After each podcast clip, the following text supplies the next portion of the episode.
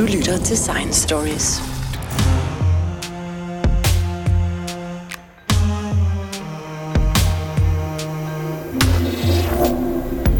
I det interstellare rum mellem stjernerne findes der overraskende komplekse molekyler. Man har observeret flere hundrede forskellige molekyler, fra vand til store komplicerede organiske forbindelser.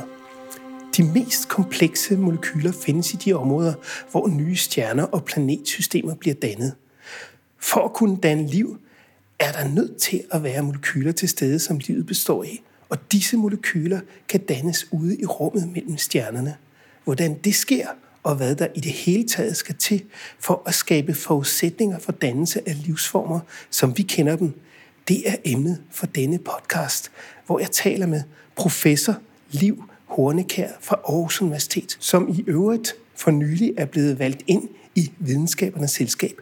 Og Liv Hornekær, før vi kan tale om de molekyler, som danner grundlaget for liv, så skal vi lige have skabt atomerne først. Og hvordan sker det? I tiden efter Big Bang, der fik vi dannet brint og også helium. Øh, en lille smule lithium, bor, beryllium. Men størstedelen af de molekyler, vi kender i dag, de er sådan set blevet dannet i øh, stjernernes indre. Så via kernesyntese, som jo er det, der giver stjernerne energien, den energi, de stråler ud og gør, at de bliver varme og lyser. Nogle af de mere tunge grundstoffer, de er lavet ved øh, supernova-eksplosioner. Og, og det vil simpelthen sige, at, at det, at uh, man skal skabe mere komplekse atomer med flere forskellige øh, elektroner omkring. Altså, det kræver simpelthen flere generationer af stjernedannelse, for at man er i stand til at, at få sådan nogle store atomer. Med hver generation af stjerner, kan man sige, der får vi omdannet mere og mere brint helium til de tungere grundstoffer. Så øhm, man kan også sige, alle øh, grundstoffer, der er lettere end jern, der kan man faktisk vinde energi ved at omdanne den til et tungere grundstof. Men når man kommer op over jern, så begynder det at koste energi at, at sammensmelte de her kerner, og så er det, man skal have gang i supernova-eksplosionerne for at få dannet de her endnu tungere grundstoffer. Så hvis vi har en kæmpe stor stjerne, der eksploderer i en supernova, så kan vi altså godt selv i tidlige generationer få dannet de her store, tunge grundstoffer. Men for hver gang vi har en ny generation af stjerner, der får vi altså sendt mere og mere af store, tunge grundstoffer ud i universet. Og noget af det, der er allermest af, det er sådan set kul og ilt. Brint er selvfølgelig stadigvæk det dominerende, og helium er det næstmest dominerende. Men i de her kernesyntese i stjernerne, der får vi altså også dannet en hel del kul og ilt. Også kvælstof, også silicium for eksempel, jern og forskellige af de her interessante grundstoffer, når vi taler om liv. Men de her grundstoffer, de svæver sig rundt ude i verdensrummet. Hvordan kommer der molekyler ud af det? Hvordan finder de sammen og laver mere komplekse stoffer? Ja. Det molekyl, som der er allermest af i det interstellare rum, det er faktisk øh, molekylær brint. Og det er jo sådan set det simpleste molekyle. Det består af to brintatomer, og brint, som vi lige sagde, det er det, der er allermest af i øh, det interstellare rum. Så øhm, det er faktisk lidt overraskende, at det er svært at få dannet et så simpelt molekyle som brintmolekyle. Men det er simpelthen fordi, at de to atomer i brintmolekylet, de er jo ens. Og det betyder, at øh, det er svært for brintmolekylet at komme af med energi ved at udsende stråling. Det er meget nemmere, hvis der er en eller anden asymmetri i molekylet.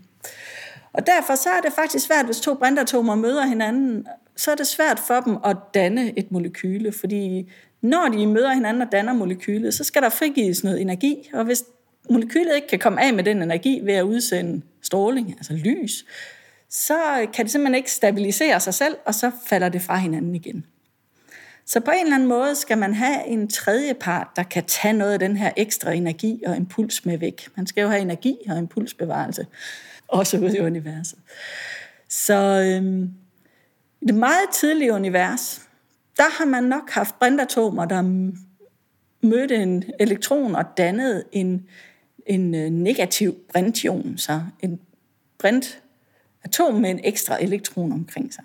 Og når så den her negative brintion har mødt et et, øh, en anden brintatom, så har de to kunne lave molekylet, og elektronen har så taget afsted med den ekstra energi.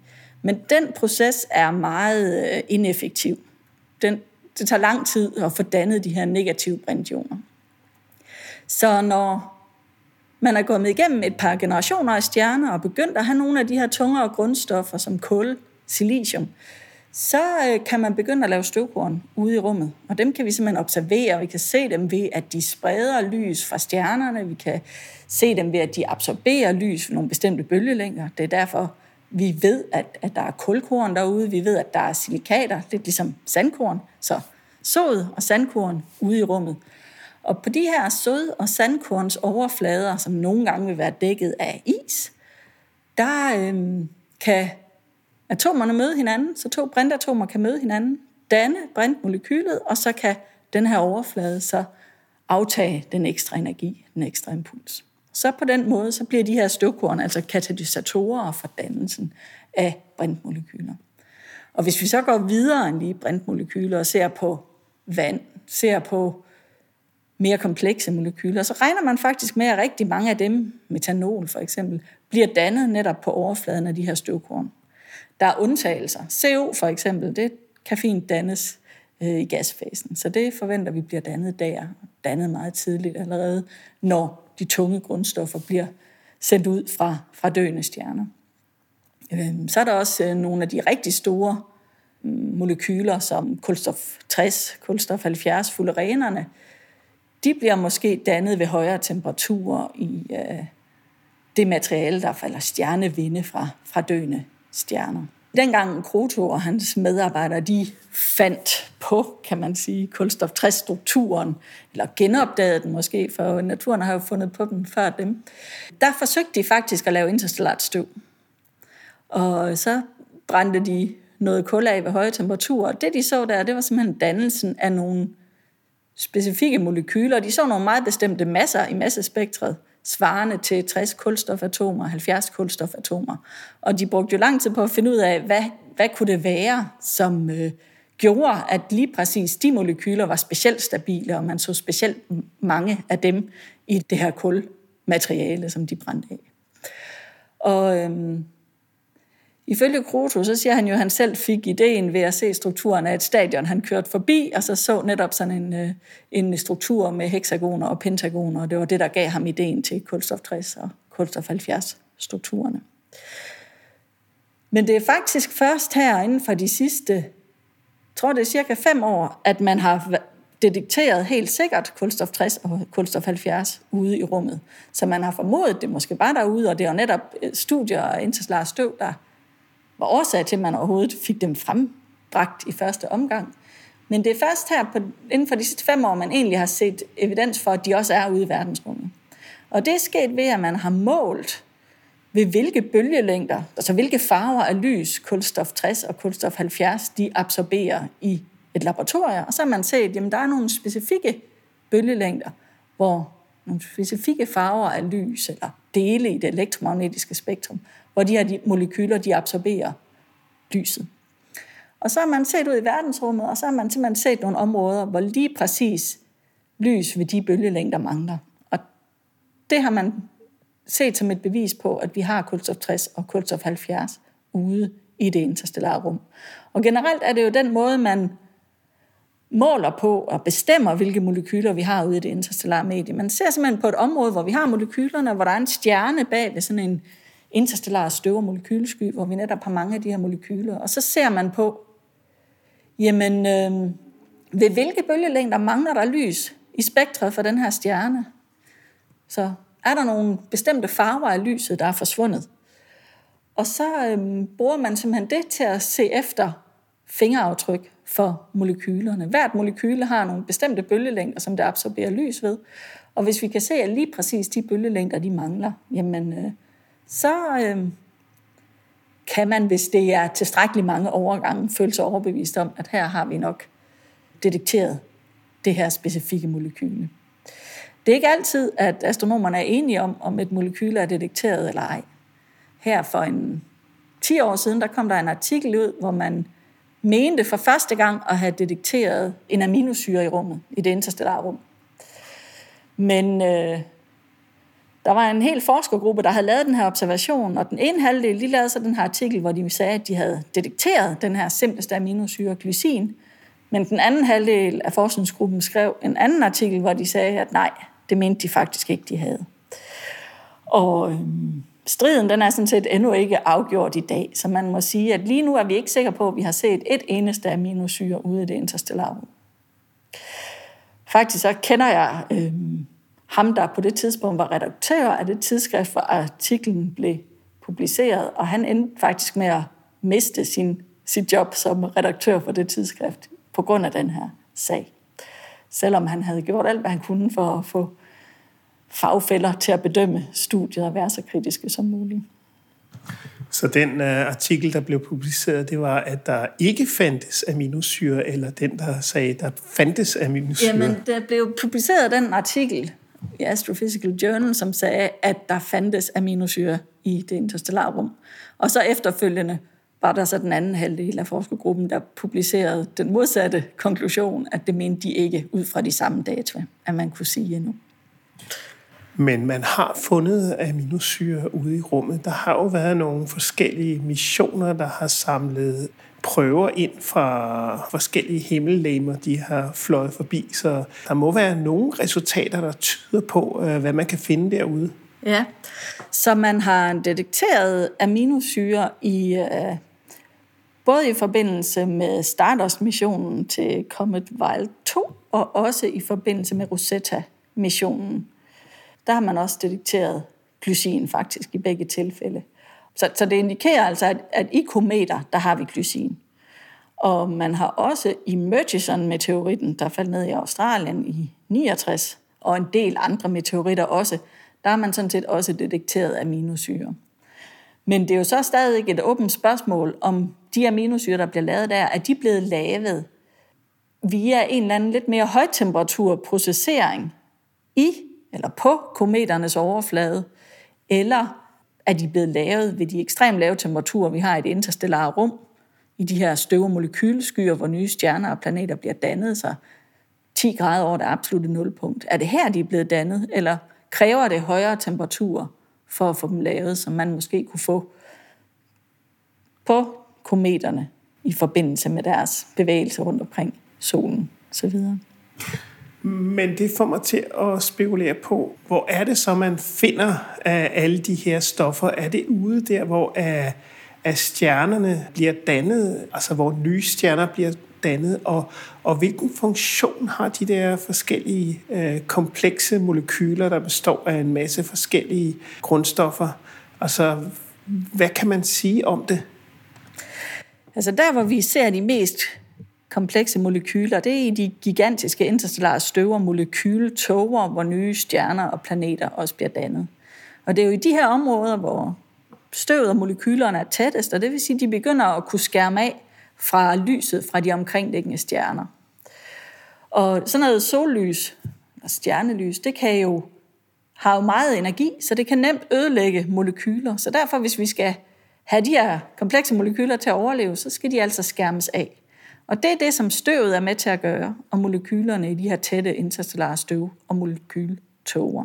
Så der kan vi altså få dannet mere og mere kompleks kemi, og samtidig så i de her områder, der bliver temperaturen også ekstremt lave, helt ned til de her 10 grader over det absolute nulpunkt. Og det vil sige, at på et eller andet tidspunkt, så vil tætheden blive så høj, og temperaturen så lav, at tyngdekraften kan vinde over trykket. Og så kan vi altså få kollaps, dannelse af en ung stjerne, og rundt omkring den en disk, som i sidste ende kan blive til planeter rundt omkring stjernen. Så det vil altså sige, at det er det samme materiale, som stjernen og planeterne bliver dannet ud fra.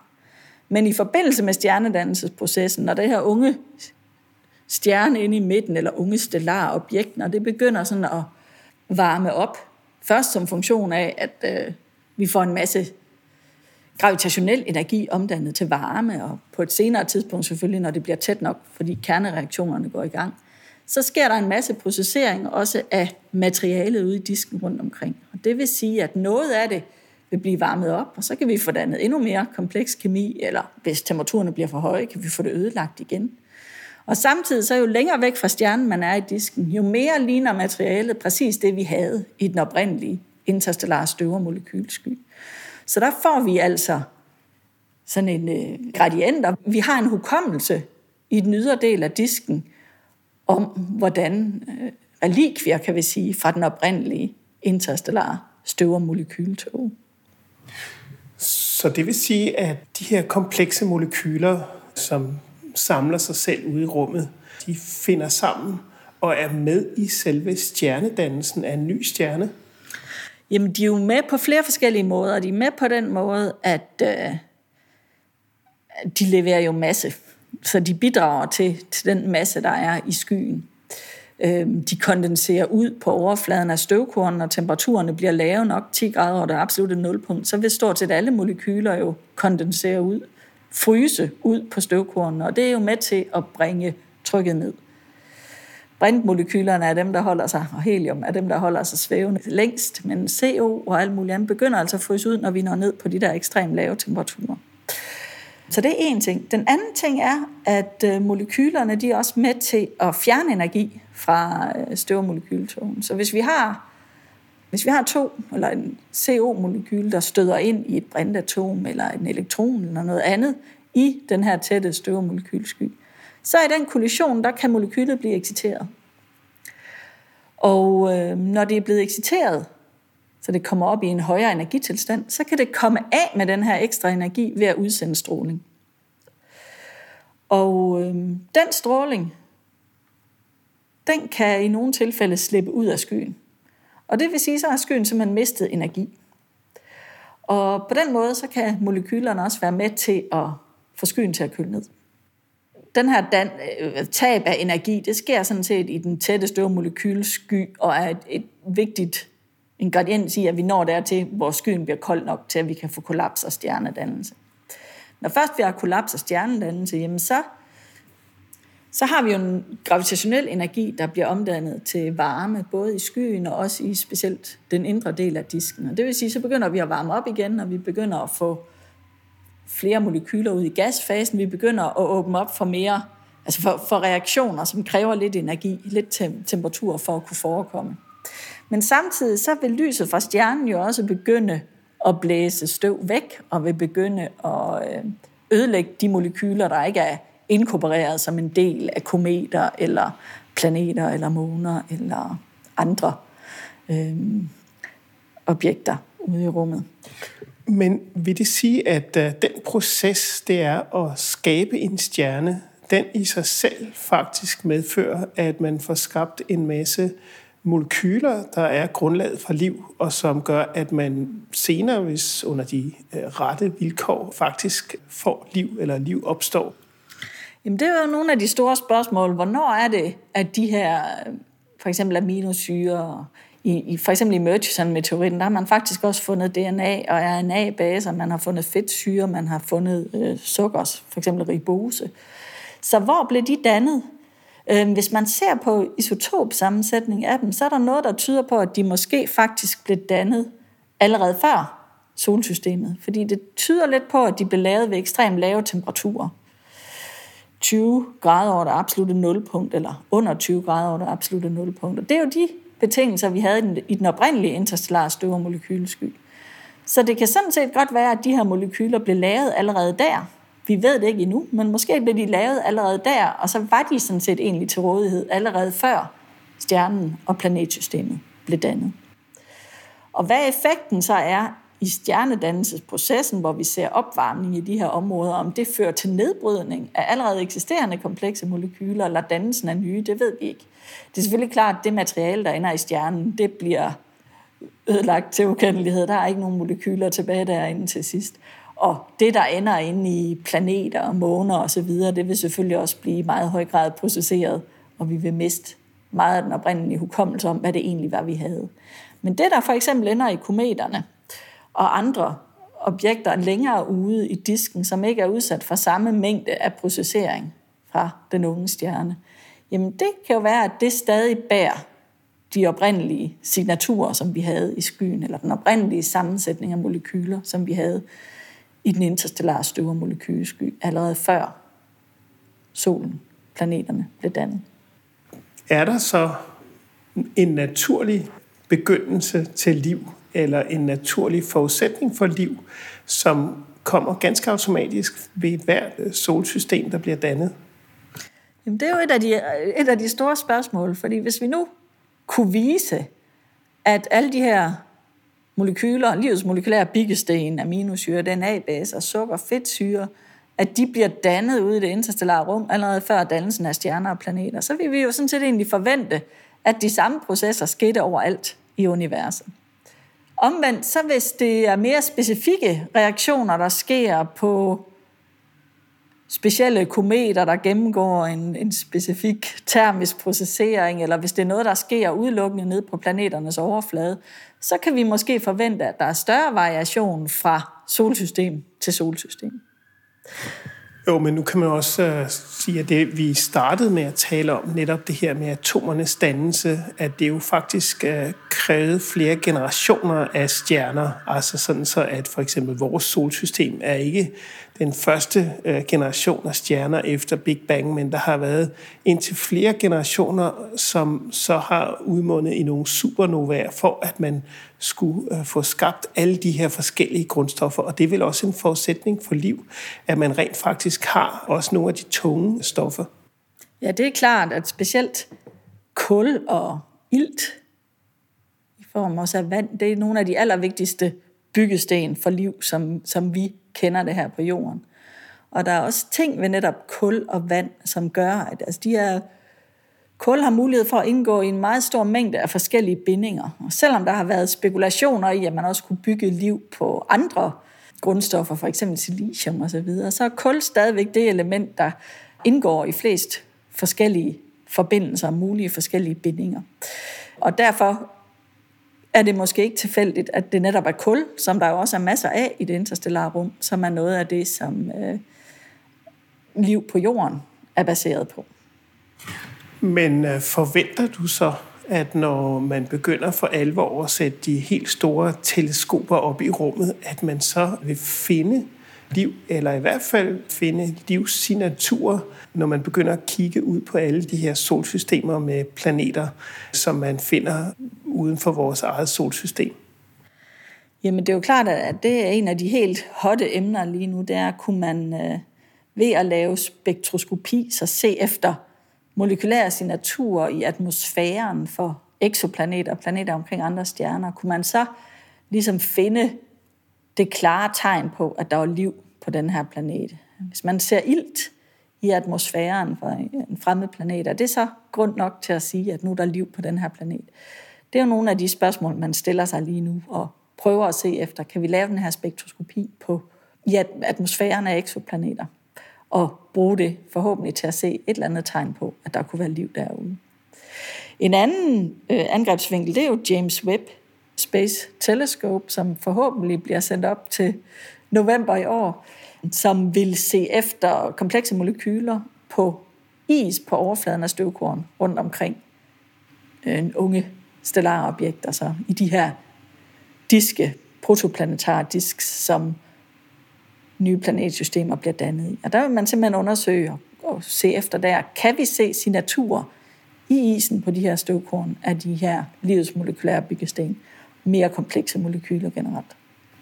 Nu har din kollega Anja Setje Andersen og John Leif Jørgensen, de har jo for nylig publiceret en artikel, hvor at de angiver, at der findes meget store mængder støv i øh, bare vores eget solsystem omkring Mars. Kunne man forestille sig, at det her støv kunne have haft en betydning for, at øh, liv kunne dannes, netop ved, at det samlede nogle af de forskellige molekyler, som er nødvendige for at, at skabe liv? Altså, nu ved vi jo ikke præcis, hvad det er, eller hvor det er, den kilde til støv omkring Mars, den lige præcis er, om det er fra Mars' måner, eller om det er fra Mars' overflade, at man på en eller anden måde har en mekanisme, der kan løfte støvet helt ud, øh, fri af, af Mars' øh, tyngdefelt.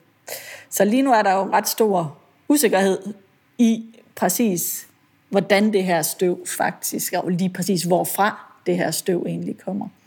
Så derfor er det også lidt svært at spekulere i, tænker jeg, hvor tidligt i solsystemets udvikling, at det her støv har været til stede.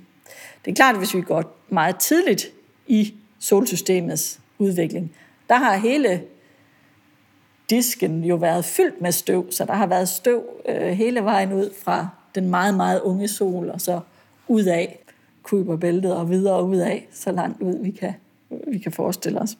Umiddelbart så vil jeg måske tro, at det har været det her oprindelige støv, der har spillet en større rolle for, øhm, hvilke molekyler, der er blevet leveret ned på overfladen af de unge planeter. Men det, at man kan observere, hvilke molekyler, som er i de forskellige skyer og omkring de forskellige planeter, betyder vel også, at man kan begynde at gå mere systematisk til værks og begynde at rubricere solsystemer efter, hvilke molekyler de indeholder og hvor man finder dem henne. Og det vil jo så måske på et tidspunkt betyde, at, at man kan begynde at regne på sandsynligheden for, at liv er til stede. Det vil jo i hvert fald betyde, at man får en idé om, hvordan, altså hvor ens de forskellige solsystemer, planeter, eksoplaneter og områder, hvor nye stjerner bliver dannet, hvor ens de er. Så hvor stor variation der er mellem de forskellige områder og de forskellige eksoplaneter. Så det er klart, på den måde vil det helt klart gøre os klogere på, hvilke molekyler, der er til rådighed generelt i universet, om, om vores situation har været speciel. Men Liv Hornekær, øh, tror du, man vil kunne finde liv, eller man kunne sige, at øh, her er vi 90% sikre på, at der vil være liv i det her solsystem, på grundlag af sådan en øh, spektralanalyse, man har lavet fra et stjernekikkert? Jeg tror, at det vil ende med, at man vil have en hel række af kandidat-eksoplaneter, hvor man mener, at de har alle forudsætninger for at indikationer for, at der skulle være en eller anden form for liv. Og det er jo muligt, det blot er bakterier eller meget simple mekanismer. Men det tror jeg. Tak skal du have, Liv Hornik her. Selv tak. Hvis du holder af historier om videnskab, kan du finde Science Stories hjemmeside på www.sciencestories.dk. Vi er på sociale medier som Facebook, Instagram, LinkedIn og Twitter.